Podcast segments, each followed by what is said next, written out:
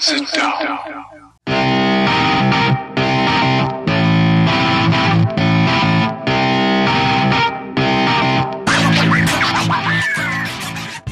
Witam wszystkich i każdego z osobna. Ja jestem Robert Kochan, a to jest Kochana NBA, najbardziej nieobiektywny podcast o najlepszej koszykarskiej lidze świata.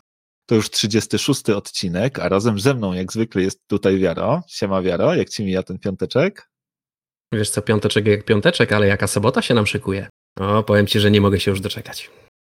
No, najlepszy moment sezonu właśnie przed nami, czyli NBA Playoffs. Znamy już niemal wszystkie pary, oprócz tego jednego meczu, który będzie miał miejsce dzisiaj wieczorem między Memphis Grizzlies a Golden State Warriors. A w zasadzie kolejność powinna być odwrotna, bo to Golden State Warriors będą w tym meczu gospodarzami, no i, i, i to wyłoni um, przeciwnika dla Utah Jazz na zachodzie.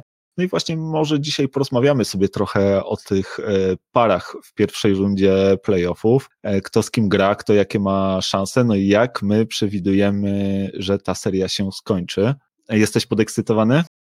No, powiem ci, że mega jestem ciekaw, jak te playoffy się rozegrają. Mm, bardzo, no szczególnie na zachodzie, no bardzo jest wyrównane w tym roku. Ale na wschodzie też dawno nie mieliśmy takiej tak um, szerokiej czołówki, można powiedzieć. Nie? Już byliśmy przyzwyczajeni zazwyczaj do tego, że to LeBron go wygrywał, a teraz y, jest wide open, no i są trzy naprawdę groźne drużyny na wschodzie. Także no, zapowiadają się takie, takie, takie naprawdę playoffy palce lizać. Nie? Zobaczymy, jak to wyjdzie oczywiście, ale no, ja jestem nahypowany. No, drużyna na wschodzie bardzo groźna jest tylko jedna. Dwie pozostałe są groźne, ale, ale tutaj chyba wydaje się, jeżeli chodzi przynajmniej o nagromadzony w zespole talent, to Brooklyn Nets e, górują jednak nad innymi zespołami.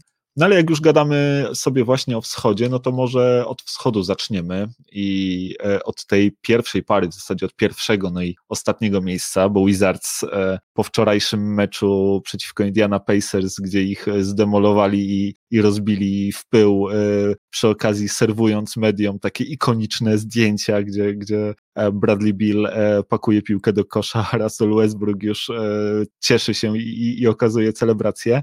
E, no i, no i właśnie Wizards e, z ósmego miejsca e, awansowali do playoffów.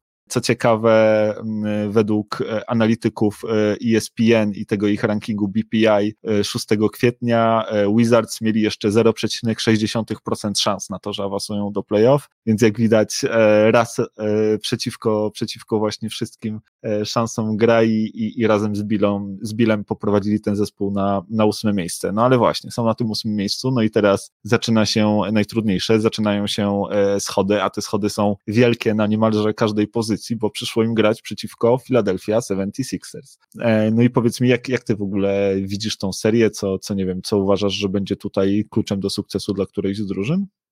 Ja tu generalnie widzę Bęcki dla Waszyngtonu i nie wydaje mi się, żeby Waszyngton tak naprawdę mógł coś zrobić, żeby ten matchup wygrać. To jednak mówimy tutaj o czterech meczach do wygrania, nie o jednym. A Philadelphia moim zdaniem ma idealną odpowiedź na to, co robi Waszyngton.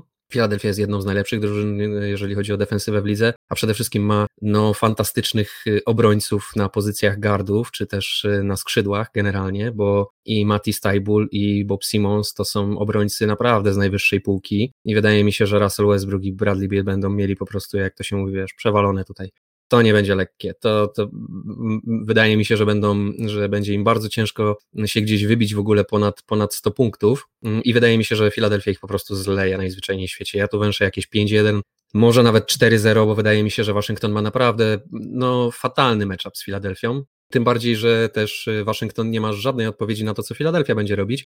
No bo Joel Embiid, no to będzie miał, jak to mawiał Shaq, barbecue chicken tam pod koszem, tak? No tam po prostu będzie, będzie mięciutko i cieplutko i nikogo dookoła i będzie mógł robić, co będzie chciał ten gość. Także wydaje mi się, że tutaj też, no przede wszystkim ze względu na to, jak te drużyny są skonstruowane, że tu Waszyngton ma bardzo niewiele do powiedzenia, no szanse tam jakieś mają, ale moim zdaniem iluzoryczne na, na wygranie całego tego meczapu. Tak jak mówię, ja tu widzę Bęcki, ja tu widzę 5-1, może nawet sweepa.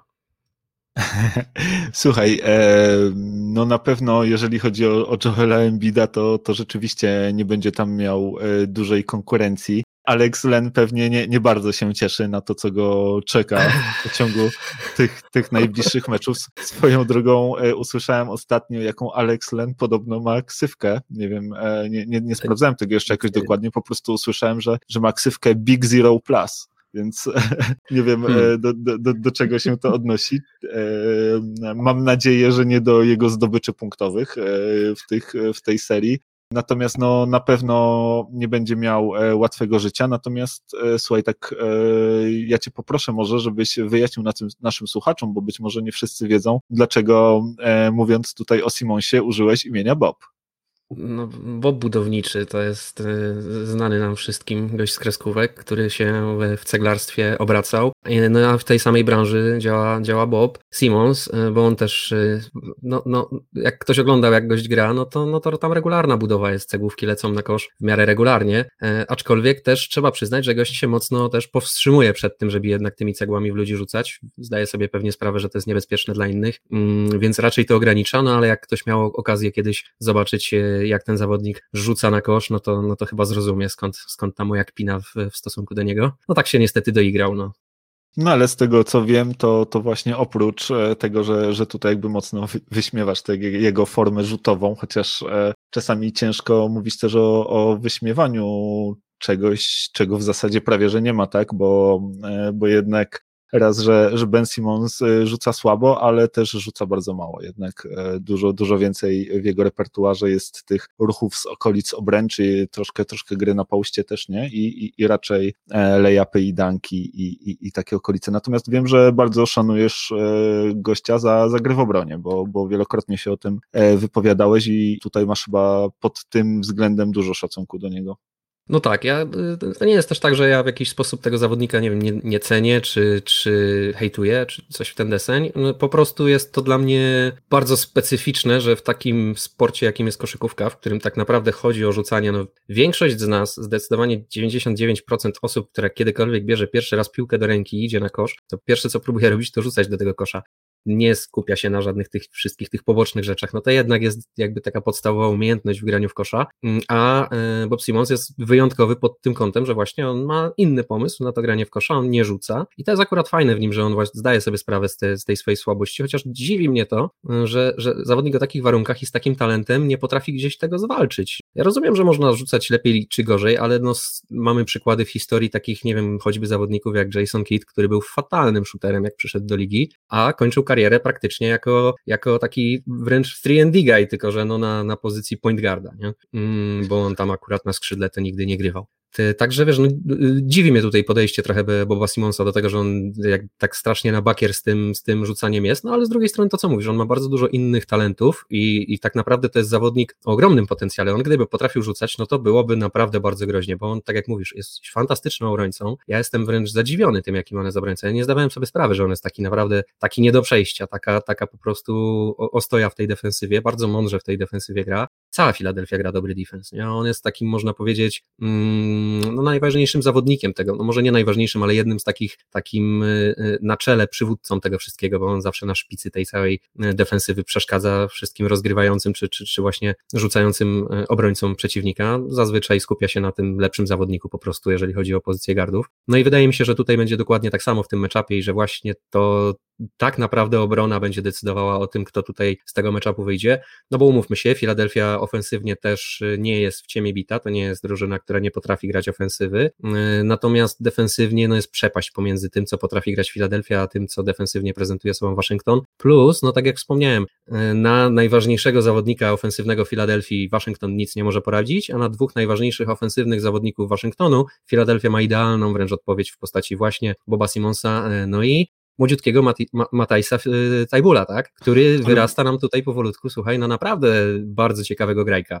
Być może będzie second team All NBA w tym sezonie, nie, nie zdziwiłbym się rzeczywiście, no ale to było od początku wiadomo, jak Tajbul już przychodził e, do ligi, bo to jest bodajże jego drugi, drugi rok e, w lidze. że on te talenty defensywne ma fenomenalne i też ma taką psychikę do defensywy. To jest gość, który podobno sam właśnie ma do walki. Sam studiuje zawodników, przeciwko którym będzie musiał grać, robi sobie taki właśnie prywatny, prywatny research i, i bada tego zawodnika, patrzy jak on lubi grać i tak dalej i, i próbuje właśnie dopasować też tę swoją grę e, defensywną pod niego. Jest e, w tym niesamowicie utalentowany. Na chwilkę wracając jeszcze do, do, do Bena Simonsa, bo w związku z tym jego rzutem, to, to pewnie wiesz, że, że krąży taka teoria spiskowa, że e, on powinien rzucać drugą ręką, że, że rzuca tak, nie, tak. nie, nie, nie tą ręką, którą, którą powinien i że to może być powód tego, że, że z tym rzucaniem mu nie idzie aż tak dobrze. No ale zostawmy te, te teorie spiskowe, wróćmy e, właśnie do, do obu zespołów. Mi też się wydaje, że tutaj jest ogromna przepaść między Filadelfią i e, drużyną Wizards. I to jest też tak, że powiem Ci szczerze, mam wrażenie, że przez te ostatnie tygodnie NBA o 76ers było jakoś tak cichutko. Jakoś tak się niewiele mówiło, oni tam sobie spokojnie siedzieli na tym pierwszym miejscu, nikt szczególnie jakoś tak nie, nie zajmował się nimi. E, tutaj Embiid na chwilkę wypadł właśnie ze względu na tą kontuzję, potem wrócił, e, no ale mam wrażenie, że, że nie mówiło się o nich e, tyle, ile powinno się mówić, a zdecydowanie jest o czym mówić, bo to jest drużyna bardzo, bardzo dobra, która no, ma aspiracje przynajmniej na finały konferencji w tym sezonie, a przy okazji Wizards nie mają z, niej, z nią dobrej historii w tym sezonie, bo na trzy mecze, jakie zagrali razem, wszystkie trzy drużyna Wizards przegrała, więc Philly no już w sumie sweepnęła e, Wizards e, w tym sezonie zasadniczym. Zaraz porozmawiamy pewnie o tym, jak, e, jak widzimy nasze predykcje na tę serię, natomiast dla mnie jeszcze taką bardzo ciekawą rzeczą jest tutaj rywalizacja między Russellem Westbrookiem a Joelem Embidem. Ewidentnie między nimi jest zła krew, co było widać już wielokrotnie w historii. Joel Embiid atakował Russell Westbrooka i, i to jak wyśmiewał to jak rzuca i ile razy rzuca na mecz i, i, i po prostu żartował sobie z niego w social mediach, jak to e, Joel Embiid e, kiedyś w którymś meczu też wziął to do siebie. E, no troszkę, troszkę tak. W którymś meczu też było tak, że właśnie raz rzucał layup spod kosza, Joel Embiid wpadł na niego, po prostu staranował go absolutnie, no nie chciałbym znaleźć się w tej sytuacji w skórze rasa, no i, i, i też raz był tym mocno nie, niezadowolony, on uważał, że to flagrant foul, też gdzieś tam ostatnio widziałem taki, taki fragment wywiadu, gdzie reporter zapytał Rasa, czy, czy właśnie są z Joelem cool, na co e, raz odpowiedział F no, e, gdzie pod literką F jest e, wiadome słowo, więc e, ewidentnie jest między nimi ta zła krew. No szkoda, że raz nie ma trochę lepszej drużyny, bo, bo będzie, bo wygląda mi na to, że, że jednak e, no Joel Embiid z ekipą trochę, trochę się po przejadą. To jak obstawiasz? Powiem Ci szczerze, że ja obstawiam 4-1. 4-1 e, myślę, że, że jedną grę gdzieś Wizards z Billem e, urwą. To może nie być łatwe, bo no Bill też nie jest e, teraz w najlepszej dyspozycji, tak? On ma, on gra z kontuzją i w zasadzie mimo kontuzji to może nie jest jakaś taka poważna kontuzja, natomiast na pewno dokuczliwa i, i Bradley Bill sam przyznał jeszcze przed tym meczem play-inowym, że nie można liczyć na niego na 100%, więc no te szanse są, są nikłe, ale no nie odmówię rasowi tego chociaż jednego meczu, tak? Wydaje mi się, że, że może mieć e, swoje pięć minut e, w tej serii. No to tutaj się zgadzamy. No ja dokładnie tak samo to widzę. Też mi się wydaje, że tutaj będzie tak zwany gentleman sweep, czyli właśnie 4-1, e, ale nie zdziwię się też, jak Philadelphia po prostu Waszyngton sweepnie i będzie tutaj czyste 4-0 na koniec. No też się nie zdziwię, to jednak jest, wiesz, starcie e, pierwszego z ósmym zespołem, więc, więc tutaj no, ta przepaść siłą rzeczy powinna być. To jest też tak, że Wizards stracili no jednak dużo sił w tej końcówce sezonu, tak? Bo oni zagrali ją po prostu fenomenalnie. Tam chyba 11-5 czy 11-6 na, w, tych, w tych ostatnich meczach, więc e, na pewno stracili bardzo dużo sił. Pewnie są w fajnym, rytmie, no ale jednak na, na Filadelfię to, to wydaje się być trochę za mało. No tutaj moim zdaniem nic dodać, nic ująć. No, no po prostu, no Philadelphia jest drużyną lepszą przede wszystkim w defensywie. E, no nie bez kozery byli pierwsi na wschodzie, mm, a Wizards się ledwo, ledwo do tych playoffów załapali, także y, ja, ja tutaj tego nie widzę po prostu dla nich. No. Niestety na tym, się, na tym się ten magiczny sezon, nawet nie taki magiczny, ale na tym się przygody Rasa i Billa w y, playoffach w tym roku skończą. No ale i tak powiem Ci, że jestem z nich dumny. 0,6% na awans do playoffów eee, i to jeszcze w kwietniu. No, kto to liczy i w jaki sposób? Wiesz co, to jest liczone na tej zasadzie, to jest liczone na zasadzie kalendarza, który im został i no właśnie, czy grają z drużynami, które są wyżej, szanse, wyżej. mecze mają szansę wygrać, które przegrać, wiesz, to jest takie wszystko. To jest jednak sport, nie? I tutaj udowodnili właśnie to, że w sporcie takie kalkulacje i i statystyki są bardzo pomocne, cała ta analityka jak najbardziej, to jest wszystko fajne i to wszystko pokazuje wiele rzeczy, ale to też trzeba umieć czytać, nie można się tutaj na tym skupiać, bo nieraz y, statystyki też są, jak się je z odpowiedniej strony przygotuje, to brzmią jak sensacja i, i dobrze się sprzedają, nie? więc myślę, że tutaj Waszyngton jakby się miał y, na serio zastanawiać nad tym, że mają tylko 0,6% szans, to pewnie by stwierdzili, że, że nie ma takiej opcji, żeby to się udało, no ale fakt faktem, że w sporcie to jednak y, no nie przewidzisz, no można, można być, można mieć super, super super e, rekord i być e, super pilnym, się wszystko idzie po twojej myśli, a potem się nagle okazuje, że się zdarzają niespodzianki, których nikt się nie spodziewał, no i co zrobisz, nie? No wiesz, to jest tak, że są statystyki, które mogą być dla ciebie mm, bardzo, bardzo, bardzo niekorzystne. No i jest Russell Westbrook, którego motto życiowe to jest why not? I, no e, i, i który, który potrafi mieć tak silną wolę, że, że, żeby właśnie też, e, nie, to nie tylko na pewno jego zasługa, ale myślę, że w dużej mierze też jego, bo on miał fantastyczną też tę e, końcówkę sezonu, żeby, żeby porwać ten zespół właśnie do takiego też zrywu i, i wyrwać e, playoffy, tak? E, no ale to co, to, co też wczoraj zrobili Indianie, to, to też, no wiadomo, Indiana e, bez jednak trzech swoich podstawowych zawodników, ale jednak no mimo wszystko e, straszne lanie. Dobra, słuchaj, zostawmy w takim razie Philly Wizards i przejdźmy na drugie miejsce, czyli właśnie tego chyba największego juggernauta na wschodzie, Brooklyn Nets, którzy podejmują Boston Celtics. I tutaj też chyba taka e, bardzo ciekawa batalia, choć pewnie byłaby ciekawsza, e, gdyby kontuzji nie nabawił się e, Jalen Brown. Więc powiedz mi, jak ty widzisz z kolei tę serię? To chyba też będzie trochę znęcanie się nad słabszym. No bo no Boston nie dość, że naprawdę to nie jest ich sezon, nie, nie, nie idzie im po prostu w tym sezonie, nie ma takiego zgrania. No, od czasu do czasu im się zdarza naprawdę dobry mecz, kiedy wszystko klika, ale też to, co wspominaliśmy Ostep na w kilku poprzednich odcinkach, że tam jednak sporo błędów takich w konstrukcji tej drużyny zostało podjętych i e, popełnionych i, i, i w związku z tym no nie ma się też co tutaj cudów spodziewać po Boston w tym sezonie, także no ja tu widzę bardzo podobnie jak w przypadku Filadelfii z Waszyngtonem, że to raczej będzie spacerek dla Brooklynu, mimo że ja akurat e, nie uważam, że to jest taki największy juggernaut, ja nie, nie wiem, czy oni są faktycznie taką lepszą miałem, po prostu drużyną. Miałem na myśli, że na papierze.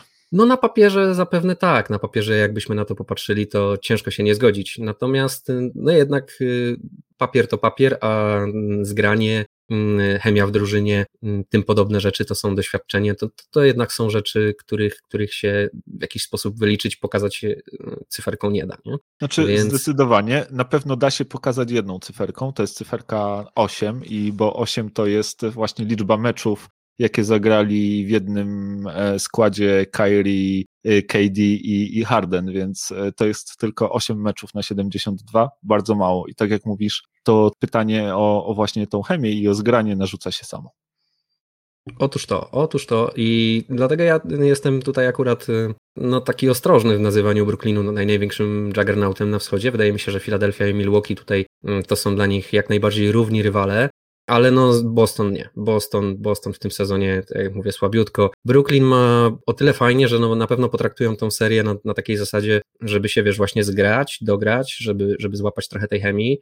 No i też o tyle fajnie mają, że Boston na pewno się postawi. Boston to nie jest taka drużyna, która wiesz, przyjdzie i złoży broń i dostanie Bęcki 4-0. Ja myślę, że oni mecz y, będą temu Brooklynowi potrafili urwać. Myślę, że też w ogóle dobrze by było, pewnie najlepiej dla Brooklynu by było, gdyby ta seria się przeciągnęła do 6 meczy i gdyby się to skończyło 4-2 dla Brooklynu, bo myślę, że takie 6 meczy jeszcze grania razem w pierwszej rundzie, kiedy jeszcze nie trzeba grać z Janisem ani z Embidem, no to byłoby, to byłoby bardzo fajne dla nich. Nie? Mieliby chwilę czasu na taki wręcz trening. Oczywiście takie, takie patrzenie na Boston, wiesz, tak, takie lekceważenie przeciwnika nigdy nie jest dobre. Jak się y, wierzy w bogów koszykówki, to to nie warto takich rzeczy robić, bo bogowie koszykówki mogą się na tobie w bardzo nieprzyjemny sposób zemścić i cię wyrzucić z playoffów po prostu w pierwszej rundzie. No, tak też się może zdarzyć, ale nie wróżę takiego scenariusza. Ja obstawiam, tak jak mówię tutaj 4-1, obstawiam, że chłopaki z Brooklynu potraktują to na tyle poważnie, żeby jednak nie dać sobie tutaj ugrać więcej niż jednego, jednego meczu przez Celtów i no, no i po prostu potraktują to tak trochę treningowo, dograją się, no i będą chcieli na pełnym gazie wjechać w drugą rundę, którą, no, no o której też zaraz pogadamy pewnie, nie? No, ja powiem Ci, że, że też myślę, że to nie będzie ciężki, ciężka seria e, dla Brooklyn. Myślę, że oni właśnie potraktują ją e, trochę jako rozbiegówkę i pewnie nawet nie będą się jakoś szczególnie starać. Ja myślę, że, że tutaj nawet nie będą pewnie tracić e, większych sił na obronę i raczej spróbują po prostu rzucić zdecydowanie więcej punktów od swojego przeciwnika.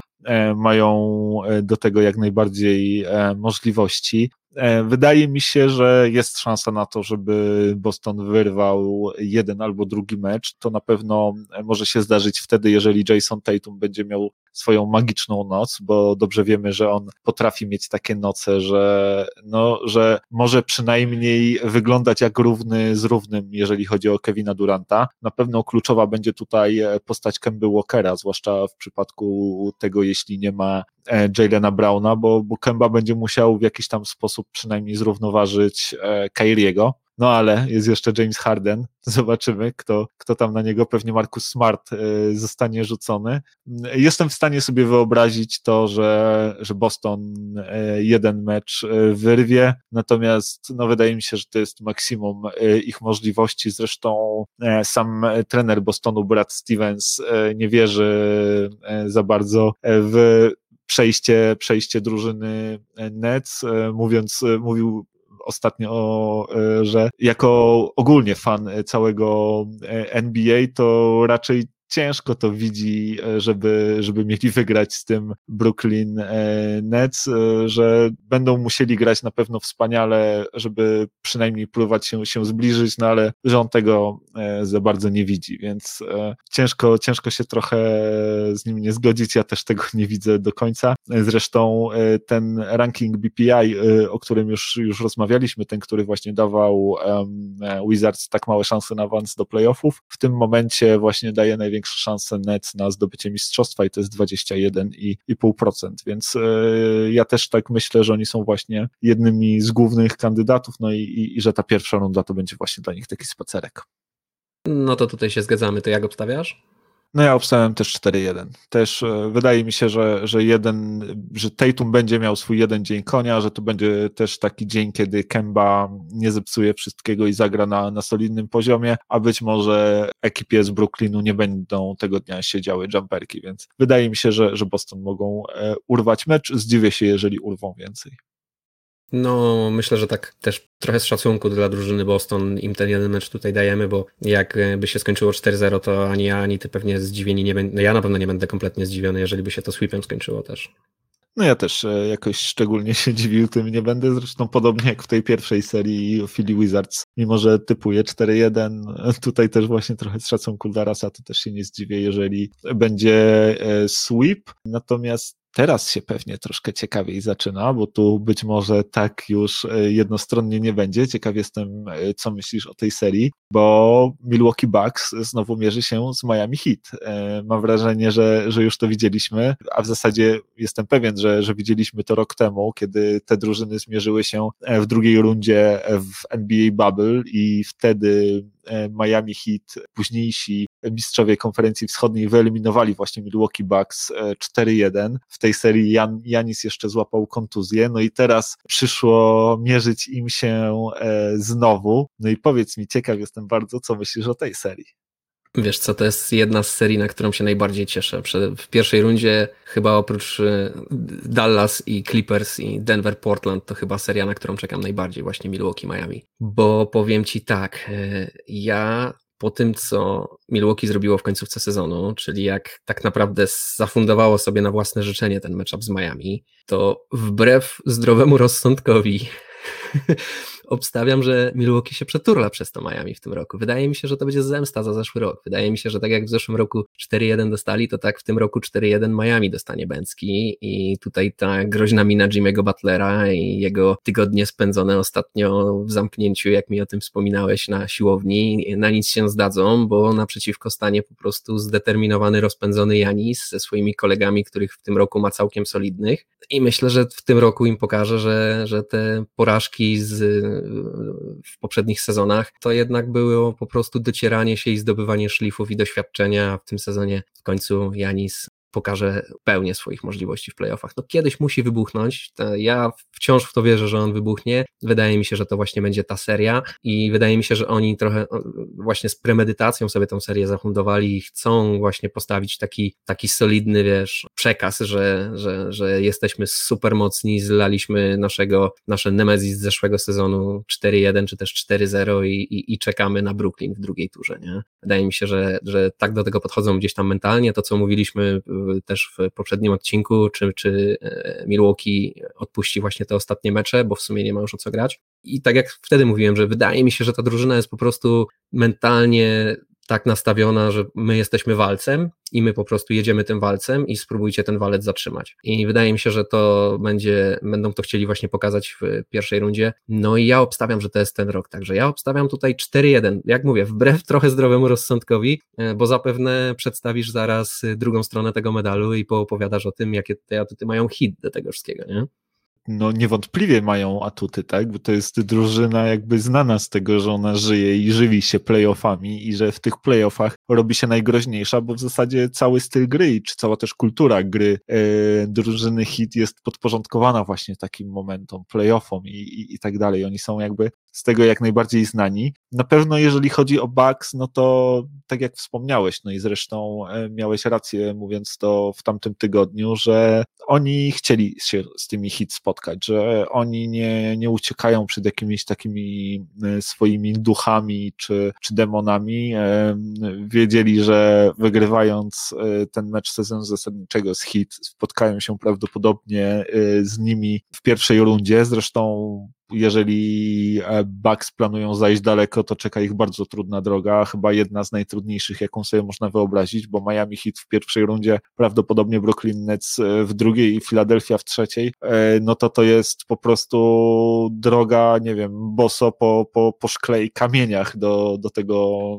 mistrzostwa. No widzisz, Pewno dlatego też... walec jest potrzebny, nie? No tak, żeby te wszystkie kamienie i szło, szkło skruszyć, tak? I, no, ubić drogę. No, Janis na pewno coraz bardziej taki walec przypomina, bo przy tym jak nabiera po prostu masy mięśniowej, jaki on jest wielki i, i po prostu silny, to to jest e, wręcz niesamowite. Natomiast no jak wiemy w playoffach ta jego wielkość i ta jego siła niekoniecznie będą wystarczające. Tutaj dużo ważniejsza pewnie będzie skuteczność e, rzutów z półdystansu i skuteczność rzutów na linii osobistych. E, ważne, żeby, żeby Janis e, atakując kosz właśnie często trafiał, trafiał na te linie rzutów osobistych. No i fajnie by było, gdyby te osobiste rzucał na przyzwoitym poziomie, bo bez tego będzie na pewno ciężko. E, hit są cwani, wiedzą jak grać przeciwko Bucks, będą zostawiać Janisowi miejsce, więc, więc tutaj właśnie ta, ta, ta skuteczność jest niezwykle ważna, więc dobrze by było, żeby Janis no te przynajmniej, nie wiem, 75-70% e, z tych wolnych regularnie rzucał.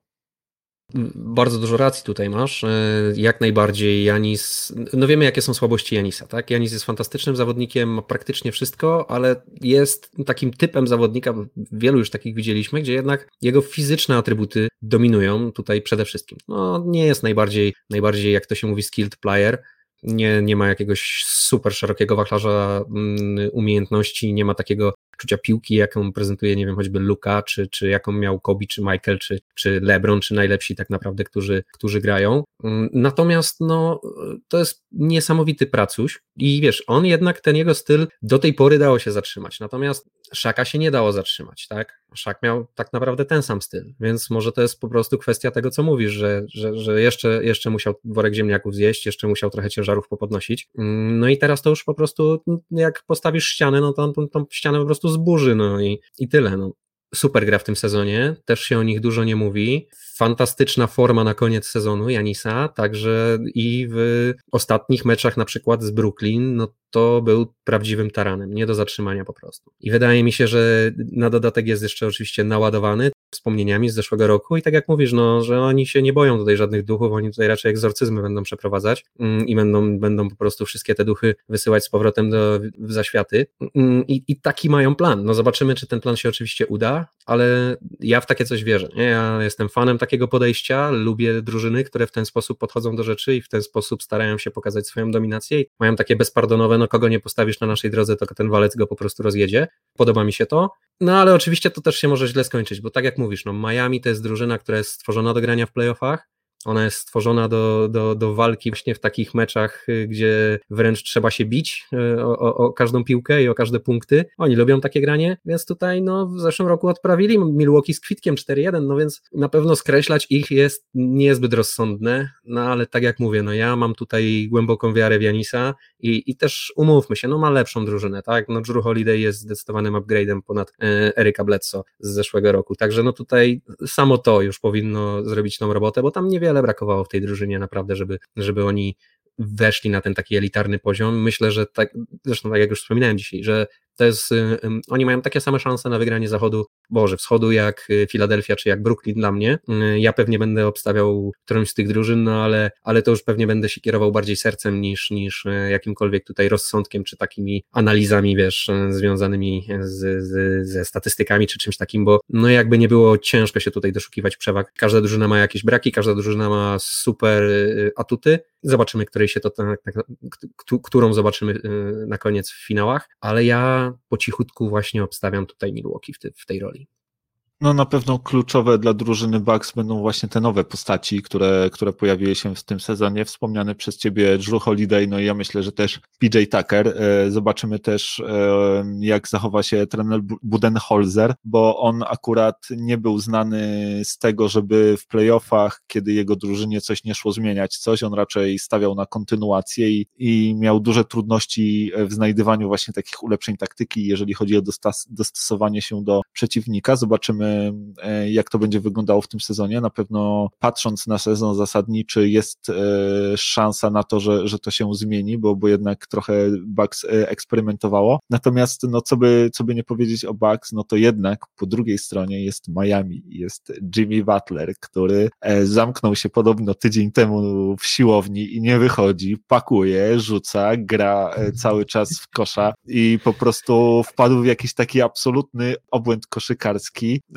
ostatnio nawet powiedział, że e, I think I'm stupidly locked in, więc to, to stupidly, e, no to powiem ci szczerze, że jeżeli Jimmy coś takiego mówi, to strach się bać. Tak, dokładnie, strach się bać, a, a do tego gra on jednak ze swoich najlepszych, jeden ze swoich najlepszych sezonów w karierze, więc no ja wcale nie jestem taki pewien jak ty tutaj sukcesu Milwaukee. Też stawiam, że, że ta drużyna awansuje dalej i przejdzie do, do drugiej rundy, ale myślę, że to będzie dla nich bardzo, bardzo, bardzo trudna przeprawa i że ta seria skończy się 4-3 dla Milwaukee. Powiem tak, no nie będę bronił mojego, mojego tutaj pika 4-1, że to jest jakiś rozsądny pik. No, węszę, węszę, że tak będzie. No, ja mam jakieś takie przeczucie, że, że tak to się skończy, obserwując e, Milwaukee w tym sezonie. I oczywiście Miami, tak jak mówisz, może popsuć te plany, wydaje mi się, że też jak jeżeli Miami by to wygrało w siedmiu meczach, czy nawet w sześciu meczach, to też bym się jakoś wielce tutaj nie zdziwił. Ale no byłoby to, byłoby to na pewno bardzo złe dla Janisa, tak? To by w bardzo zły sposób świadczyło o tym, o tym, o tym jego stylu koszykówki, że jednak to się nie sprawdza, że jednak to się nie da w ten sposób. Także no kurczę, no jedna, jedna z najlepszych serii, jaka nas czeka w pierwszej rundzie. No to na bank. No trzeba to po prostu obejrzeć, trzeba zobaczyć, jak to się skończy. No dobrze, że powiedziałeś właśnie jedna z najlepszych, bo najlepsza właśnie dopiero przed nami. Najlepsza seria całej, nie tylko wschodniej konferencji, ale też NBA i całego wszechświata, bo, bo oto Knicks e, przeciwko Hawks. E, moi drogi, Knicks wracają do playoffów i, i, i tutaj na ich drodze staje Atlanta Hawks. E, no i to jest dopiero wydarzenie. Powiedz mi, jak ty to widzisz i, i, i jak sobie ostrzysz zęby na tę właśnie serię? Nie, no pogadajmy już o zachodzie może, nie? No co ty, serio? Ja no. uwielbiam tę serię, to jest naprawdę, ty, ty się śmiejesz, bo ty myślisz, że ja żartuję, a ja tutaj mówię poważnie, ja uwielbiam tę ja serię. Ja wiem, ale to, ale to są bardzo, jakby to powiedzieć, wyrafinowane smaki, które trzeba mieć, żeby tak sobie ostrzyć zęby na New York Knicks i Atlantę. Ja takich wyrafinowanych smaków nie posiadam. Ja wiem, czy, czy trzeba mieć wyrafinowane smaki. Słuchaj, stary. No, e... Naprawdę chcesz oglądać Younga kontra Randla? Nie tylko ja chcę oglądać, ale co się, co się w ogóle dzieje, stary, jaki szał jest w Nowym Jorku. Madison Square Garden otwierają, stary, otworzyli na 15 tysięcy miejsc, będą, to jest największy event od rozpoczęcia pandemii w Nowym Jorku i w moment wszystkie bilety się sprzedały, a Atlanta Hawks boi się otwierać swoją halę, bo boi się, że kibice Nowego Jorku przyjadą i że będą grali same mecze na wyjeździe. Jest taki i to mówię ci poważnie, jest taki absolutny hype w Nowym Jorku na, na to, żeby zobaczyć e, Knicksów. Do tego wiesz, oni, y, oni mają tutaj jakby takie argumenty, żeby przynajmniej wierzyć w tę wygraną, bo sweepnęli e, Hawks w tym sezonie 3-0 dla, 3-0 dla Nowego Jorku. Oni co prawda grali ze sobą zanim e, trener Macmillan e, przejął dowodzenie nad Atlanta Hawks, natomiast właśnie do tej pory w sezonie zasadniczym był sweep, do tego po prostu Julius Randle absolutnie dominował tę serię, bo przeciwko Hawks jego średnia to było 37 punktów, 12 zbiórek i 6 6 asyst, więc wiesz, fani w Nowym Jorku to wszystko wiedzą i mają po prostu absolutny, e, absolutny hype na tę drużynę i na tę serię, a e, do tego w ogóle jeszcze nie wiem, czy słyszałeś, trener Macmillan został ukarany, dostał 25 tysięcy dolarów kary za to, że zaczął po prostu narzekać, że NBA na pewno będzie faworyzować Knicksów i że chcą ich zobaczyć w drugiej rundzie i że na pewno będą nam rzucać kłody pod nogi. NBA się wkurzyła, dostał za to 25 tysięcy właśnie za, za, za takie narzekanie. No sam też, e, sam też nie ma się jakby czym e, za bardzo szczycić do tej pory, bo na dziewięć e, serii playoffów, które, które grał w swojej karierze, czy zespołów, które prowadził w tych seriach, udało mu się wygrać tylko jedną, więc wiesz, fani Nowego Jorku na pewno bardzo na to wszystko liczą. O, to mnie teraz rozbawiłeś do łez. Nie no, okej, okay, w porządku, wszystko fajnie. Ja nie jestem z Nowego Jorku, więc niespecjalnie mnie interesuje ta seria, nie będę ukrywał. Mm, wydaje mi się, że to są drużyny które nie mają specjalnie jakiejś wielkiej przyszłości ani w tych playoffach, ani no, no może Atlanta, zobaczymy co tam się będzie działo, ale też mi się wydaje, że jeszcze sporo y, przebudowywania przed tą drużyną, jeżeli oni mają się faktycznie bić o coś mm, konkretnego. Także y, no to są takie akurat, to jest taki matchup, który ja osobiście traktuję jako taką trochę zapchaj dziurę.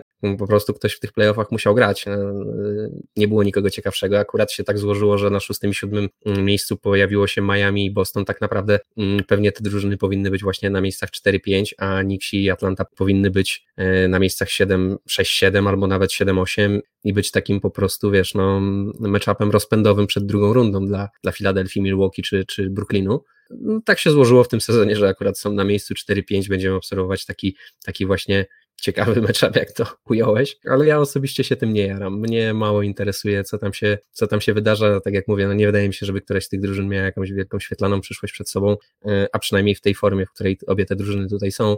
Mm, więc y, jakoś ja też nie jestem fanem wielkim ani Nowego Jorku, ani Atlanty, więc no, no, no po prostu mało mnie ta seria jara. No rozumiem cię. Ja, ja akurat się gdzieś tam nią trochę jaram, bo dorobiłem sobie do niej też trochę taką poetykę, przyznam ci się szczerze, bo dla mnie to jest taka trochę bitwa o tożsamość NBA te zespoły są zupełnie różne pod względem tożsamości. Knicks, którzy mają fantastyczną defensywę, jedną z topowych defensyw ligi, ofensywnie grają raczej bardzo słabo i polegają tylko na Juliusie Randlu. Z drugiej strony Hawks, którzy w zasadzie tej defensywy nie mają wcale, a ofensywnie są bardzo dobrzy, są jedną z lepszych drużyn pod tym e, względem e, w NBA. Żadna z tych drużyn nie ma wielkich gwiazd, więc e, są to, są to zespoły, które w zasadzie grają zespołowo, więc takie starcie tej ofensywnej tożsamości tą defensywną tożsamością w playoffach, to jest właśnie dla mnie trochę takie starcie tożsamości NBA i wydaje się, że w tym e, sezonie, gdzie tyle tych rekordów ofensywnych zostało pobite i gdzie ta ofensywa była tak jakby mocno eksponowana i mogliśmy ją zobaczyć na wielu levelach i nagle znaleźliśmy się w playoffach, no i właśnie chciałbym zobaczyć to starcie tej ofensywy e, z defensywą i, i co się tutaj podzieje, mimo że tak jak mówisz, no żaden z tych zespołów nie jest jakoś tam też specjalnie i szczególnie elektryzujący i, i no raczej nie, nie, nie wyróży się mu większych szans w tym sezonie. No to ta jednak właśnie ta bitwa tożsamościowa jest dla mnie osobiście niezwykle ciekawa.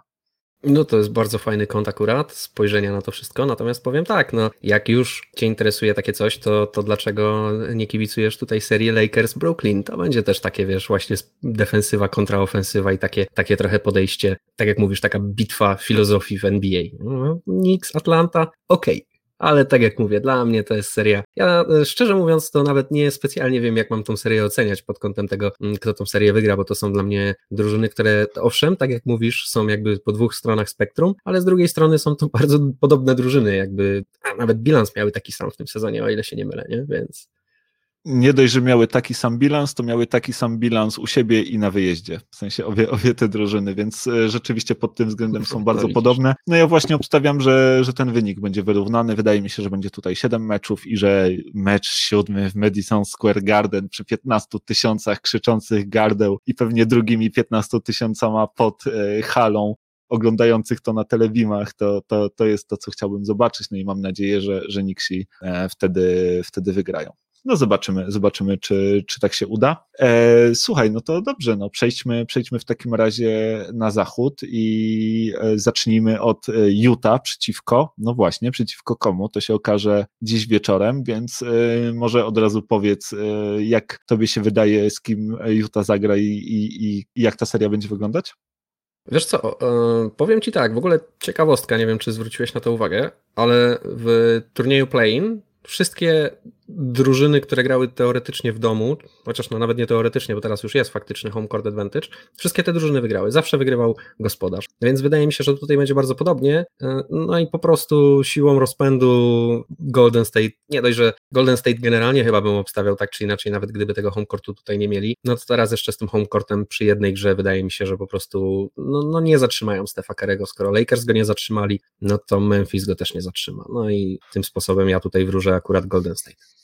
No, mieliśmy przyjemność na pewno w ostatnią niedzielę oglądać e, dokładnie przedsmak e, tego widowiska, bo, bo właśnie e, mecz o ósme miejsce pomiędzy Memphis Grizzlies i, i Golden State Warriors, gdzie Steph Curry zagrał no, absolutnie fantastyczny mecz. Pamiętam, że wielokrotnie się łapaliśmy za głowę patrząc, co, co ten gość wyczynia. No, bo... nie, nie, nie chcę się wierzyć, naprawdę no, stary, będziemy, będziemy opowiadać e, naszym dzieciom i wnukom, tak, że żyliśmy, żyliśmy w czasach Stefa Kerego pewnie, więc, e, więc to no, jest tego typu zawodnik. Też obstawiam, że raczej raczej Golden State Warriors powinno e, awansować, natomiast nie skreślałbym Brooklynu. To jest młoda, głodna drużyna i to naprawdę Memphis fajnie poukładana. Znaczy, przepraszam, Memphis. Tak, to jest młoda, fajna drużyna, która jest głodna sukcesu Wydaje mi się, że mają nawet lepszy zespół niż Golden State Warriors. No nie mają takiej gwiazdy jak e, Steph Curry, tak? E, I to jest e, jedyna i największa przewaga Golden State Warriors, mm, bo jeżeli Steph Curry zagra średni mecz, to jestem niemal pewny tego, że, że jednak Memphis to wygra, bo oni ten skład mają troszkę szerszy, troszkę równiejszy. Mm, no i, i, i wiesz, że jestem też fanem Dylona Brooksa i, i, i tego, jak on gra i to zarówno w ofensywie, jak i w defensywie chociaż ten jego ostatni mecz nie był jakiś super. No ale wydaje mi się, że jeżeli nie będzie miał problemu z faulami, tak jak ostatnio, e, no to ta końcówka też może wyglądać troszkę inaczej. Ale mimo wszystko wydaje mi się, że, że to jednak Golden State Warriors awansuje. No ale myślę, że przeciwko Utah nie będą e, mieli większych szans. E, myślę, że Utah to już jest drużyna dużo lepsza niż Memphis i w serii do, do czterech wygranych nie pozwoli sobie, e, żeby tego przegrać. Myślę, że Golden State Warriors coś tam spróbują powalczyć, że Steph Curry, jeżeli utrzyma przynajmniej tę formę, która towarzyszy mu ostatnio już w zasadzie od kwietnia, to, to powinni e, to wygrać, natomiast e, no raczej Utah powinni się z nimi rozprawić i ja obstawiam, że będzie tutaj 4-2 dla Utah Jazz. No, aż dwa mecze aż obstawiasz, że Golden State im urwie. Tak, bo no to, to, tylko Utah. Okej, okay. ja się zgadzam. Ale no nie, no wydaje mi się, że wciąż Utah, nawet Utah to jest jednak drużyna, która z Golden State w tym sezonie nie powinna mieć problemów w czterech meczach. Mnie się wydaje, że tu jednak będzie 4-1. Nie zdziwię się, jak Steph Curry urwie dwa mecze, ale no to umówmy się, to będą dwa mecze, które im wygrał po prostu Steph Curry no jednak Utah ma dużo lepszy skład i lepiej gra, są naprawdę groźną drużyną w tym sezonie. O tyle, o ile już na tym powiedzmy z takimi drużynami na poważnie, które są, które nie mają tylko jednego biednego Stefa Kerego i bandy koszulek, no, no, w której innej drużynie y, gwiazda musi się pytać kolegi, który z nim gra, żeby się odwrócił, bo chciałbym przeczytać, jak można nazwisko. Także no, Steph nie ma ciekawej sytuacji w Golden State. Wydaje mi się, że to jest zdecydowanie za mało, żeby sobie poradzić z Utah. Utah też na pewno chce nam wszystkim coś udowodnić, bo po prostu z każdej strony się doigrują, każdy, każdy im jakiegoś pstyczka sprzedaje i, i nigdy ich nie bierze na poważnie. Naprawdę nie, oprócz kibiców Utah i jakichś mediów związanych z Utah, to ja nie spotkałem się, mm, żeby ktokolwiek ich brał na poważnie, więc myślę, że będą tutaj jednak chcieli coś udowodnić. Myślę, że to się skończy szybko 4-1. Okej, okay, rozumiem. Znaczy, żeby nie było, ja ich biorę na poważnie. E, natomiast. E... Ja tak średnio, ale myślę, że akurat w tym pierwszym meczapie będzie 4-1. No, mo może tak być. Mi się wydaje, że, że jednak Warriors urwą ten jeden mecz więcej. E, no a powiedz mi e, drugi matchup, Suns Lakers. E, jak, jak to widzisz? LeBron wrócił i, i wrócił w wielkim stylu. Ta, ta wygrana z Golden State Warriors właśnie w meczu play-in, no wydaje się, przynajmniej zwłaszcza ta, ta gra w drugiej połowie, bo, bo jednak w pierwszej to ona nie wyglądała tak dobrze i wydawało się, że tutaj będzie blowout i że Golden State łatwo ten mecz wygra, no ale w drugiej połowie Lakers się, się wzięli, e, awansowali z siódmego miejsca, no i przyszło im się mierzyć z Suns i, i, i powiedz mi, jak ty to widzisz?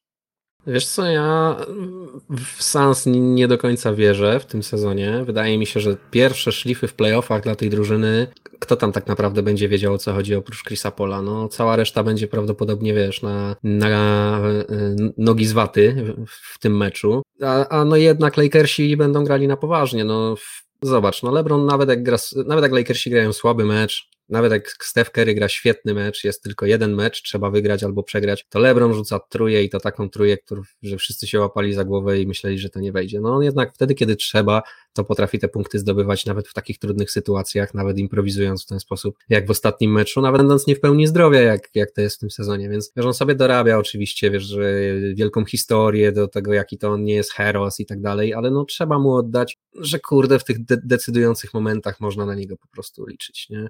Można na nim polegać, jest tam, robi to, co ma robić, podejmuje mądre decyzje i zazwyczaj mm, przechyla szale zwycięstwa na, na stronę drużyny, w której gra. Więc wydaje mi się, że przeciwko temu po prostu Phoenix tutaj niewiele zdziała, że to będą takie wyrównane mecze do trzeciej kwarty, nie? A, a potem w czwartej kwarcie Lakersi przycisną, po prostu wyrobią sobie przewagę 12 punktów i się okaże nagle, że są 3 minuty do końca i już się z tym nic nie da zrobić, bo to już, bo to już nie sezon zasadniczy, tylko tutaj naprawdę każdy cię próbuje, wiesz, na granicy faulu grany, nie? Mm, więc wydaje mi się, że, że, że tak to się skończy. Ja węszę 4-1, aczkolwiek jest szansa, że, że Phoenix się postawi, no bo tam są młode strzelby, które przede wszystkim Devin Booker tutaj, ja, jak dla mnie kluczem w ogóle do tutaj jakichkolwiek sukcesów Phoenix Suns w, tym, w tych playoffach jest Devin Booker. Jeżeli on będzie grał fenomenalnie, będzie grał jak super gwiazda, będzie robił po 25-30 punktów w każdym meczu, no to wtedy może być różnie, no wtedy nawet do siedmiu meczy się ta może, może się ta seria przeciągnąć. Nie widzę tego, żeby Phoenix jakimkolwiek sposobem ograło Lakersów w tym meczapie, ale mogą się im postawić. Natomiast wydaje mi się, że Lakers nie będą się chcieli z nimi przytykać długo, będą chcieli ich odprawić za każdym razem po prostu jak najszybciej, y, będą starali się ich sweepnąć tutaj, y, żeby sobie później trochę odpocząć. Y, no i mają do tego możliwości, no bo mówię ci, to może faktycznie tak wyglądać, że oni będą takie wyrównane mecze grali do trzeciej kwarty, a potem będzie taki po prostu nagle, nagle klamp, Phoenix nie może zdobyć punktu przez 5 minut, LeBron wjeżdża na kosz 4 razy, dwa razy podaje przy tym wszystkim do Antonego Davisa na pustą paczkę, no i nagle ci się robi 8 punktów. No i co? No i, no, no i oni już mogą tego nie wypuścić, bo, bo mają LeBrona i nawet Chris Paul z Devinem Bookerem mogą na to wszystko nie poradzić. No chyba, że jakimś cudem jeszcze DeAndre Ayton wybuchnie, no ale nie spodziewałbym się, to są jego pierwsze playoffy, to jest taki cichy pierwszy numer z draftu, on raczej się tam spokojnie stara po prostu pracować, więc nie spodziewam się po nim takich nagłych skoków, raczej się spodziewam po nim spokojnego takiego, wiesz, krok po kroku wzrostu formy, więc wydaje mi się, że to po prostu jeszcze dla Phoenix za wcześnie. To są dopiero pierwsze szlify, które będą zbierać w playoffach. Wydaje mi się, że będzie 4-1, wydaje mi się, że to będzie podobnie jak, jak z drużyną Denver, która, która właśnie mm, z młodym Jokiciem pierwszy raz w playoffach grała i też dostaliśmy szybkie bęcki i tutaj będzie myślę bardzo podobnie mm, ze względu właśnie na to, że no trzeba zobaczyć jak to jest, tym bardziej, że grają z Lakers. No słuchaj, ja myślę, że Lakers nie mogli tutaj w tej pierwszej rundzie trafić lepiej. E, trafili na jeden, moim zdaniem przynajmniej jeden ze słabszych e, zespołów i, i bardzo się z tego cieszą, bo to są weterani, to są mistrzowie i właśnie trafili na taki niedoświadczony zespół, któremu będą mogli po prostu najzwyczajniej w świecie przetrzepać skórę. I e, powiem Ci szczerze, że to jest trochę, trochę taka też oszukana seria, bo gdybyś mi powiedział, że to Lakers grają z drugiego miejsca, a Suns z siódmego, to zupełnie bym się nie zdziwił, wręcz mhm bardziej bym to potraktował jako prawdę, więc, więc to, że akurat oni się spotykają w takich okolicznościach, to, to, to, to, jest trochę oszukane i zrzucam to na karp tego bardzo dziwnego sezonu. E, wydaje mi się, że to będzie raczej spacerek, też widzę e, tutaj 4-1 dla, dla Lakers e, być może właśnie Sans uda się wygrać e, jeden mecz. Wydaje mi się, że, że, że tutaj właśnie nie będzie jakiejś takiej dużej filozofii, że to po prostu będzie e, bach, bach, bach, knockdown, e, bach, knockout. Natomiast co ciekawe a propos tej serii, to nie wiem czy wiesz, ale jest to pierwsze spotkanie w playoffach w, w Chrisa Pola i mm, LeBrona Jamesa, dwóch wielkich przyjaciół, Jeden jest w lidze od 18 lat, drugi przez, przez 16 i spotkają się w playoffach po raz pierwszy, więc e, bardzo takie też e, to będzie ciekawe, e, bo to jednak dwóch niezwykłych liderów i takich też generałów. Fajnie będzie to, to obserwować. No i zobaczymy, czy będą się kolegować dalej po tej serii, bo jak LeBron w końcu posłucha Chrisa Pola i, i co on ma do powiedzenia w playoffach, to, to może się okazać, że, że to będzie koniec tej pięknej przyjaźni i nie będzie już drugiego banana, bo autres.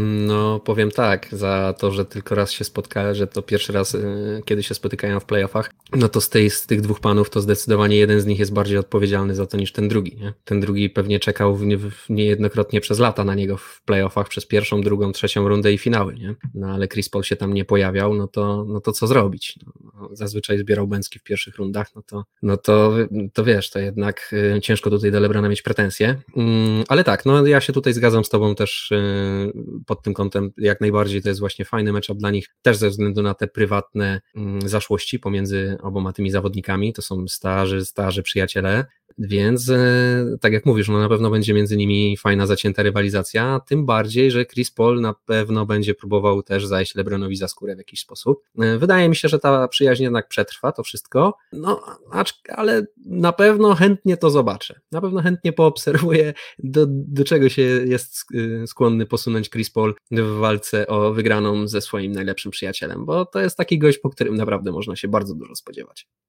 No pewnie, ale myślę, że, że raczej e, wiesz, wszystko, wszystko będzie w porządku i myślę, że tak ich e, przyjaźń jest silniejsza pewnie nawet niż, niż NBA. Słuchaj, zostawmy w takim razie Suns i Lakers, no i przejdźmy sobie do, do kolejnej pary, do Nuggets i twoich Nuggets i e, Blazers i powiedz mi, e, jak ty tutaj przewidujesz, że to będzie wyglądać? A, wracają demony. No cóż, będzie to wyglądać tak, jak to zawsze wygląda z Portland. Nie będziemy się Dej, przepychać Dej, pewnie do siedmiu meczy. Dejmiany, nie demony. Dokładnie, Damiany wracają. Także no, no będzie przepychanka. No, Portland jest zawsze przepychanka. Denver nie potrafi grać z tą drużyną. E, to czy potrafi, nie potrafi. Na pewno jest to równy z równym tutaj. Tak? Tutaj nie ma czegoś takiego, że jesteśmy od nich zdecydowanie lepsi, mimo że mamy MVP po swojej stronie. E, powiem tak, no bardzo dużo będzie zależało od Michaela Portera Dziurora. Tak? No Dziuror wciąż jest Dziuror, wciąż jest dziurą w obronie. Natomiast e, zaczyna przynajmniej biegać, zaczyna przynajmniej się rzucać mm, po wszystkie piłki. Wiesz, no on, on, on został na pewno przez coacha Malona, tam nieraz mu paluszkiem trochę wytknął, że, że taki, taki defense to, to, to wiesz, nie? to do dupy z takim defensem, nie? E, no, no, no, jednak trzeba się starać. No to, to Michael Porter który y, w swoim takim młodzieńczym żywiole bardzo sobie to wziął do serca, no to teraz jest, wiesz, podstawowym celem dla każdego, kto chce na przykład pump fake'a zrobić, nie? No bo robisz pump fake'a i Michael Porter przelatuje 4 metry koło ciebie i ląduje w czwartym rzędzie. E, ale to już i tak jest lepsze niż, niż, niż brak efortu w, w defensywie. Także zobaczymy, jak to będzie wyglądało po jego stronie, no bo tutaj jednak e, trochę defensywy trzeba będzie pokazać. No, fakt, że Portland nie prezentuje żadnej defensywy, więc prawdopodobnie będziemy im rzucać po 120 punktów na mecz, no ale trzeba wziąć też pod uwagę, że oni też potrafią rzucić 130 punktów. No i tutaj, e, wiesz, my na pozycji gardów no nie mamy jakichś super obrońców, a Dame Lillard i CJ McCollum mogą śmiało zdobyć 70 punktów pomiędzy nimi dwoma, nie? Więc to jest ciężka seria dla Denver. To będzie się nam, będzie się to na pewno, na pewno to będzie super koszykówka do oglądania, bo wydaje mi się, że to będzie najbardziej taka, tu będą najwyższe wyniki chyba w całym, w pierwszej rundzie w playoffach. Wydaje mi się, że to będzie najbardziej high scoring mm, seria. E, także na pewno się to będzie super oglądało, natomiast no, proste i łatwe dla Denver to nie będzie. Powiem tak, no jak mam poważnie to obstawiać, to wydaje mi się, że będzie 4-2 dla Denver, ale nie zdziwię się, jak ta seria się przeciągnie do siedmiu meczy. Będę smutnie zaskoczony, jak Portland to wygra, ale też nie będę w szoku. Nie, nie, nie będę w ciężkim szoku, jeżeli Portland nas odprawi z kwitkiem, aczkolwiek będzie to dla mnie jednak zaskoczenie i na pewno zawód. Na pewno liczę na to, że mim, be, nawet bez Jamala Mureya ta drużyna w tym składzie z tą formą, którą prezentują i z Jokiciem w takiej formie, w jakiej jest w tym sezonie, powinni ten matchup wygrać moim zdaniem. Dlatego mówię, będę na pewno zawiedziony, jeżeli się stanie inaczej, ale na, no nie będę w szoku. Też nie będzie tak, że o, jak to się mogło stać, że, że Portland nas zlało. No to też taki scenariusz dopuszczam. Natomiast tak jak mówię, jakbym teraz ktoś przyłożył pistolet do głowy albo, albo bym musiał pieniądze postawić, to bym postawił na to, że będzie 4-2 dla Denver na koniec tej serii po naprawdę super fajnych, ciekawych i ekscytujących meczach do oglądania.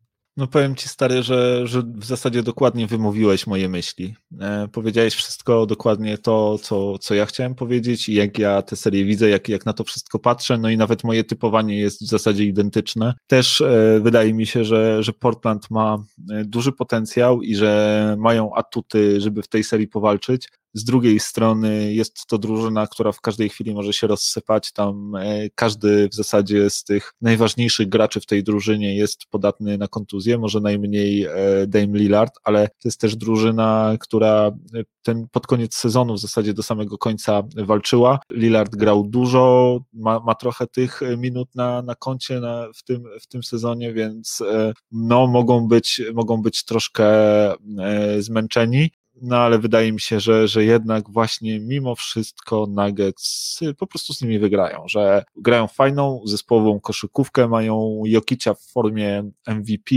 e, no a Portland nie ma obrony, więc, e, więc wydaje mi się, że, że Jokic e, w zasadzie no niemalże sam powinien wam tę serię wygrać i obstawiam, że, że będzie 4-2 dla Nuggets, chociaż podobnie jak ty, nie zdziwię się, jeżeli ten wynik będzie zupełnie odwrotny. Nie będzie to, to dla mnie zaskoczenie. Słuchaj, no to fajnie, omówiliśmy e, wszystkie serie, e, pogratulujmy Dallas Mavericks awansu do drugiej rundy i co? I nie, no żartuję, nie dobra. tak pomówmy, prędko, mój drogi, nie po, tak prędko. Pomówmy jeszcze, pomówmy jeszcze o tej ostatniej serii, o e, Clippers i, i, i Mavericks. To też zapowiada się być chyba bardzo ciekawa i wyrównana seria, i też jest to troszkę rewanż za to, co mogliśmy oglądać w tamtym roku. Wtedy wszyscy mówili, no ciekawe, co, jak ta seria by wyglądała, gdyby Porzingis się nie kontuzjował. Miejmy nadzieję, że, że będziemy mogli e, zobaczyć właśnie Dallas e, w pełnym składzie przez całą serię, w tej serii, w tych playoffach. No i powiedz mi, jak ty to widzisz? Mm, no ja widzę zemstę. Ja widzę zemstę za zeszły rok. Ja widzę tutaj Clippers, którzy chcą wygrać w tym, w tym, w tym roku mistrza. Po cichutku na to liczą wypozycjonowali się tutaj, żeby grać z Dallas. Myślę, że to jest e, zdecydowanie matchup, który oni jakby chcą przejść, chcą ich zlać, mm, chcą nabrać po prostu tej pewności siebie, chcą, chcą pokazać dominację, chcą się, wiesz, no, no po prostu dobrze czuć wchodząc, wchodząc w matchup z Lakersami. Myślę, że oni bardzo poważnie właśnie myślą o tym, że przyjdzie im się z tymi Lakers zmierzyć i myślę, że po prostu, y, no bo była taka sytuacja w końcówce tego sezonu, że Lakers, Boże, Clippers sobie darowali dwa ostatnie mecze, no i była wielka afera oczywiście w mediach amerykańskich, y, że Clippers się boją, czy się nie boją, co oni robią, czy to jest strategia, czy to jest dobra strategia, bla, bla, bla. W każdym razie jest to na pewno ich plan, oni mają taki plan, a ja akurat w taj, taj, coacha Tajalu mocno wierzę i w jego plany. Jak on taki plan usnął, to trzeba zaufać, że to jest dobry plan. Więc Wydaje mi się, że on, oni po prostu wyszli z założenia, że lepiej z tymi Lakersami grać, jak już będziemy rozpędzeni, jak już będziemy w, w takim po prostu groove playoffowym, e, jak już się właśnie rozprawimy z Dallas, i myślę, że to jest matchup, do którego Clipsi podchodzą mega poważnie. Myślę, że wiedzą, co się stało w zeszłym roku. Myślę, że nie chcą do tego dopuścić w tym roku. Myślę, że zobaczysz zdeterminowanych Clipsów jak nigdy i myślę, że zobaczysz właśnie e, odwrotnie, nawet jak w Lakers, nie taką sytuację, że wiesz, że przez trzy e, kwarty jest to wyrównane, tylko zobaczysz po prostu, że Clippers będą chcieli dominować od pierwszej do ostatniej minuty i będą narzucą po prostu e, no naprawdę taką ostrą playoffową grę Dallas. Wydaje mi się, że Luka będzie grał świetnie, ale wydaje mi się, że generalnie Dallas się tutaj obsra lekko e, z Clippersami. Zobaczymy tych Clippersów, na których e, liczymy od, od, od co najmniej zeszłego sezonu i tych, których nam tutaj obiecywali. Wydaje mi się, że naprawdę dobrą po prostu ścieżkę sobie obraliście. Cichutko tam u was jest, już nikt nic nie mówi, skupiacie się na tym, żeby po prostu grać, skupiacie się na sobie, nie patrzycie tam na, na jakieś tam inne rzeczy, macie swój plan do tego, jak chcecie jak chcecie przez to e, wszystko przejść. Ja w to pokładam dużą wiarę. Wydaje mi się, że będzie 4-2, ale oddajmy, że jednak klipsi mają niestety ten kurde znak zapytania z zeszłego sezonu i no nie tylko z zeszłego sezonu, bo za Polem George'em się już to ciągnie. Więc mimo tej mojej wiary oczywiście może być psikus. Ja z tym psikusem się też yy, gdzieś tam mierzę i, i, myślę i zastanawiam się, jak do tego wszystkiego podejść i czy to był taki tylko wybryk w zeszłym sezonie, czy faktycznie tak jak yy, nieraz ty wspominasz, że to jest zespół, który ma taką szklaną psychikę i potrafi się po prostu posypać jak kryształy.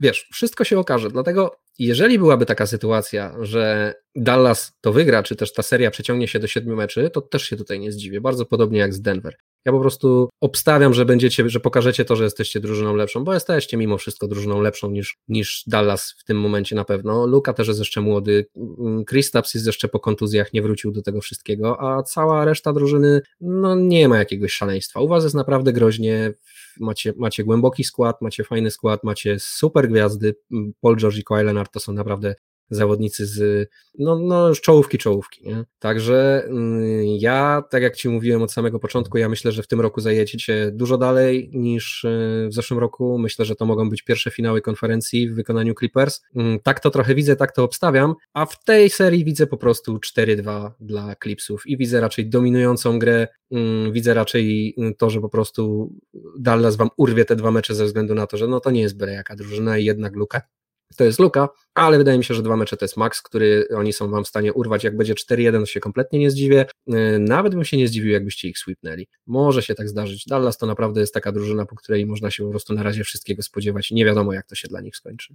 Oj, mój drogi, mój drogi, jak ty się mylisz co do tej drużyny, to ty nawet nie wiesz. Wspomniałeś o znaku zapytania. Stary Clippers to znak zapytania powinni mieć w logo. Oni powinni mieć znak zapytania na koniec swojej nazwy. Clippers? Bo, bo, no, wiesz, to jest jedna z trzech drużyn, która nigdy do tych finałów konferencji e, jednak e, nie dotarła. Ty wspomniałeś o tym, że będą dominowali od pierwszej do 40 minuty. Wiesz co, ja powiem ci tak, że znając ten zespół, e, raczej tego nie widzę. Wydaje mi się, że oni mogą do, dominować, ale od pierwszej do 30 minuty, kiedy będą wygrywali 17 albo 19 punktami, tak jak w tamtym sezonie, po czym się może okazać, że w każdym e, z takich meczów e, roztrwają tę przewagę i, i stracą prowadzenie. Ja już to po prostu widziałem tyle razy, widziałem to już tyle razy i, i za każdym razem miałem nadzieję, że to ostatni raz, a to ciągle gdzieś tam wracało, że boję się, boję się tutaj cholernie, ale powiem Ci szczerze, że bałbym się chyba każdego meczapu w tej zachodniej konferencji. Wydaje mi się, że jesteśmy właśnie na równi, mniej więcej z tymi pozostałymi zespołami. Może jesteśmy na papierze troszkę lepszą e, drużyną e, od Dallas Mavericks, natomiast no jednak mimo wszystko trzeba pamiętać o tym, że Kawhi gra z kontuzją ręki, z tego powodu też właśnie w tych dwóch ostatnich meczach między innymi nie zagrał, ma, ma kontuzję właśnie lewej dłoni, jeśli dobrze pamiętam. No i bardzo ważne jest to, czy zobaczymy playoff, czy Pandemic P, tak, bo to, to, to będzie niezwykle istotne. Jak będzie grał Paul George, czy będzie tym zawodnikiem formatu All-Star, formatu LNBA również właśnie w postseasonie, czy no jednak będziemy widzieć to, jak e, trafia w boki tablicy corner trójki i, i gdzie nic mu nie wychodzi i, i wiesz, i Luka mu pomacha, jak kiedyś e, Damian Lillard, tak, na do widzenia. Boję się troszkę tego, natomiast, żeby nie było, ciągle uważam, że powinniśmy raczej Mavericks ograć i ja tutaj stawiam na 4-3. Wydaje mi się, że e, Luka jest o jeden e, rok starszy niż, e, niż w tamtym sezonie i, i pewnie te, te trzy zwycięstwa Dallas uda się osiągnąć. Natomiast no mimo wszystko my ciągle jesteśmy drużyną odrobinę bardziej doświadczoną, odrobinę bardziej dojrzałą. No i tak jak mówię, wydaje się, że, że na papierze jednak trochę lepszą. Też to podejście, ten aspekt mentalny i jest, jest też inny niż w tamtym sezonie. To jest na pewno coś, czemu ja mocno przyklaskuję, natomiast no z wiarą u mnie jest kiepsko w tę drużynę. Wiesz, jak się jest e, długoletnim e, fanem Clippers, to zaczyna się wątpić w wiele rzeczy, tak? No właśnie, masz, masz syndrom ten PTSD, tak? Post-traumatic stress disorder. Zdecydowanie, po tym, cię, stary. Po tym, co cię dopadło w zeszłym roku. E, I o tyle, o ile to rozumiem, to jednak e, bierz przykład ze mnie, zobacz, jak się ze mną zgodziłeś w moich przewidywaniach co do Denver. Ja się staram patrzeć jednak obiektywnie i bez większych emocji na to wszystko, mimo że oczywiście te emocje we mnie są to po prostu wiążę je, wrzucam do jakiegoś słoika i trzymam, wiesz, pod, pod kloszem, dopóki nie wypłyną gdzieś, jak nas będzie Portland lało w siódmym meczu, nie? E, ale póki, póki, póki nie są potrzebne, to trzymam je gdzieś z boku. E, więc nie przejmuj się tak strasznie tym, co się stało w zeszłym roku. Tak jak mówię, to jest inna drużyna, jednak Tylu to jest to jest inny coach niż Doc Rivers, to jest y, trochę inna ręka w tej szatni. Paul George nie jest taką osobą, która potrzebowała takiej ręki, jaką, takie, takiego traktowania, jakie, jakie fundował im Doc Rivers. Y, to nie był gość, którego trzeba było w ten sposób po prostu, wiesz, podbudowywać i, i, i, i tak jak to kiedyś Doc Rivers y, niesłusznie o sobie powiedział, że on nie jest taki rara guy, czyli taki właśnie gość od, robienia atmosfery i, i, i budowania tego takiego team spirit. On właśnie od tego jest, on to robi świetnie. Nie wydaje mi się, żeby akurat Paulowi George'owi tego trzeba było. Ja myślę, że Paul George to takiej trochę surowej ręki potrzebuje, że on to jednak potrzebuje kogoś, kto mu powie czasem prosto w twarz, że po prostu nie tylko wziął się do roboty, nie? I myślę, że Tylu jest taką osobą, że, że skończyły się trochę te przywileje, które były to, to, to gwiazdorzenie z zeszłego sezonu, te właśnie przywileje z zeszłego sezonu mm, i zaczęła się praca na serio, na poważnie. Zaczęła się praca i od samego początku budowanie drużyny, która ma przez te playoffy się przeturlać, dostać się w końcu do tego finału konferencji, zlać Lakersów i zameldować się w finałach. I myślę, że taki jest plan. Mm, no i tak jak mówię, ja macie świetnych skrzydłowych, a skrzydłowi to jest złoto w NBA. To wiesz, Denver się próbuje w ogóle jakimś dziwnym sposobem przebić do tego, do tego, do tego e, finału, tak? Nikt nigdy nie wygrał nic w ten sposób, mając takiego zawodnika jak Jokic, bo nie było wcześniej takiego zawodnika jak Jokic, nie? Wy macie zawodników, którzy są sprawdzeni i wiadomo od lat, że zawodnicy o takim profilu to jest złoto w NBA. Mieć skrzydłowego, który potrafi bronić i zdobywać punkty na zawołanie i jeszcze potrafi rzucać truje, wchodzić pod korzy i rozgrywać piłkę, a wy macie takich dwóch jeszcze gigantycznych obu, nie? E, mam ci, mam ci przypomnieć, jakie łapy ma Kałaj? Nie, nie Więc musisz. To... To, są, to są mega utalentowani zawodnicy, naprawdę, to jest śmietanka ci goście, nie? Więc yy, i fajnie drużynę poukładaną naokoło tego, no sorry, z całą moją sympatią do Dallas i tego, że chciałbym ci na przekór powiedzieć, że pewnie Bęcki dostaniecie i trochę się z ciebie pośmiać, to mimo wszystko uważam, że no to no, no jednak jak mamy obiektywnie o tym mówić, no to sorry, no Dallas nie jest drużyną lepszą od was. Mogą lepiej zagrać w tych playoffach, jest taka szansa, ale to by była dla mnie niespodzianka i byłbym w szoku, akurat w tym przypadku, gdyby was Dallas zlało i byłbym mega po prostu, to by ucementowało wszystkie te pytajniki, poznalibyśmy odpowiedzi na nie i to nie byłyby odpowiedzi, które ja chciałbym usłyszeć i ty zapewne też nie. Mm, ale wydaje mi się, że tak się po prostu nie stanie. Wydaje mi się, że, że jednak te pytajniki to są pytajniki, które, które po tym sezonie będą rozwiane, a przynajmniej w jakimś tam sensie. Przynajmniej będzie wiadomo, że, że ta drużyna na poważnie bierze wygrywanie, bo nie wydaje mi się, żebyście odpadli wcześniej jak w finałach konferencji.